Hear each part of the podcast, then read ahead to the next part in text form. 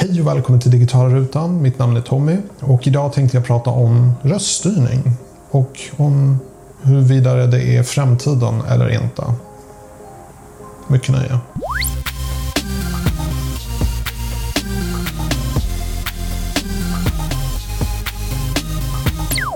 Alla som har iPhone har säkert provat på Siri.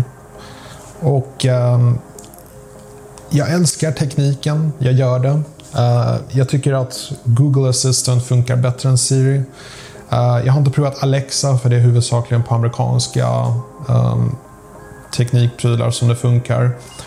Um, men jag har också provat Bixby på Samsung-telefoner och jag är mäktigt imponerad varje gång de förbättrar röststyrningen och jag tror helt klart på röststyrning och nu har ju till och med Apple och Google släppt sina smarta högtalare där röststyrning är i princip A och O. Det är så du kommunicerar med den. Och jag förstår helt klart tänket. Eh, vi lever i en tid där vi blir mer pressade om tid och för att kunna njuta mer av media så är det ljud som gäller. För det kan du göra samtidigt som du ja, gör vad som helst i princip.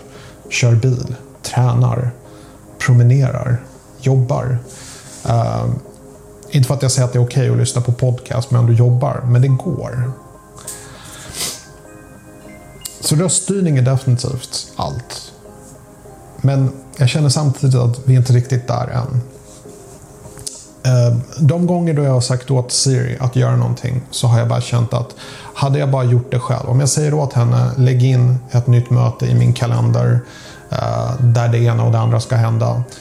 Det blir så mycket missförstånd att jag vet att det går bara fortare för mig att göra det själv med händerna.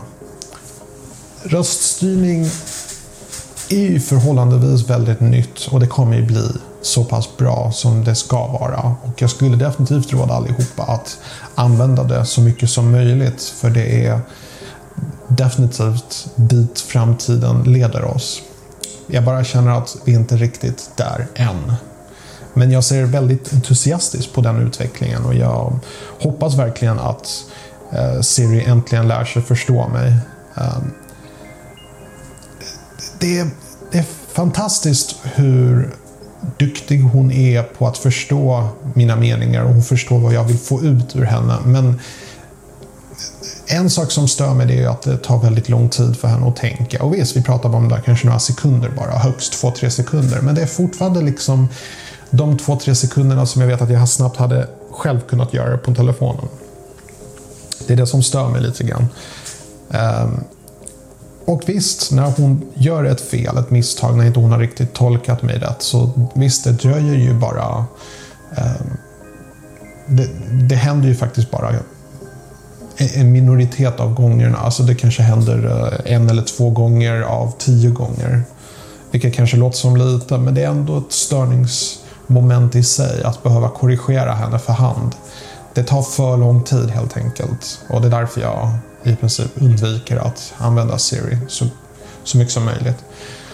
Um, men som sagt, jag ser fram emot alla förbättringar som sker på röststyrningsfronten uh, som just nu leds av Google Assistant. Det är helt otroligt vad Google Assistant kan göra uh, jämfört med Siri. Um, så vi får se. Um, som sagt, väldigt ny teknik egentligen och det är kanske lite fel av mig att klanka på den när den är så pass ny. Jag bara känner att det är viktigt som en teknikvloggare och podcaster att man inte låter dem komma undan med vad som helst bara för att de inte är riktigt där än. Jag menar, vi sätter ribban. Om vi säger att Siri är fantastisk, vad har Apple för eh, orsak att förbättra Siri? Så det är lite så jag tänker för förbättringens skull så är det viktigt att man säger och tycker som man tänker. Eh, och tycker man inte att Siri är bra nog att använda, då ska man inte använda den. Och det är nog det som gör att Apple fortsätter att utveckla Siri så mycket de bara kan. Så det ska bli spännande och kul att se hur de lyckas utveckla Siri och all röststyrning. Eh, men som sagt, just nu jag känner att vi är inte riktigt där än. Det var allt jag hade för den här episoden. Så jag passar på att önska dig en trevlig fortsatt dag. På återseende.